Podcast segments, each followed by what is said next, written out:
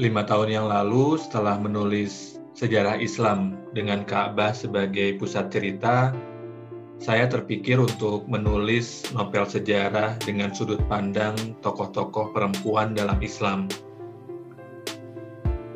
Alasannya, selama ini sejarah Islam sering didominasi oleh tokoh-tokoh laki-laki, sehingga seolah-olah perempuan tidak banyak memberikan peran atau andil dalam membangun peradaban Islam. Alhasil, setelah proses brainstorming dan riset, akhirnya dimulailah proses penulisan Mencintai Muhammad.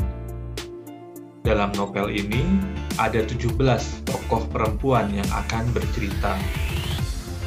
Setiap cerita berpusat pada Nabi Muhammad. Pada setiap akhir cerita, tokoh tersebut akan mengajukan satu pernyataan atau pertanyaan yang akan dijawab oleh tokoh selanjutnya.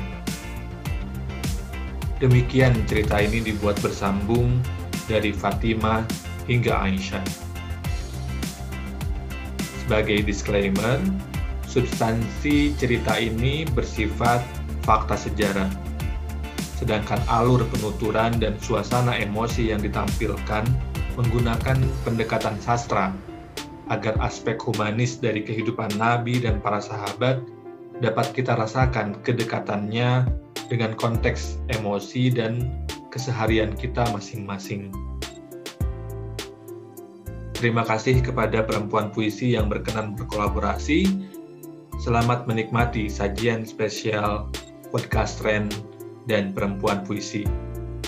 Inilah mencintai Muhammad.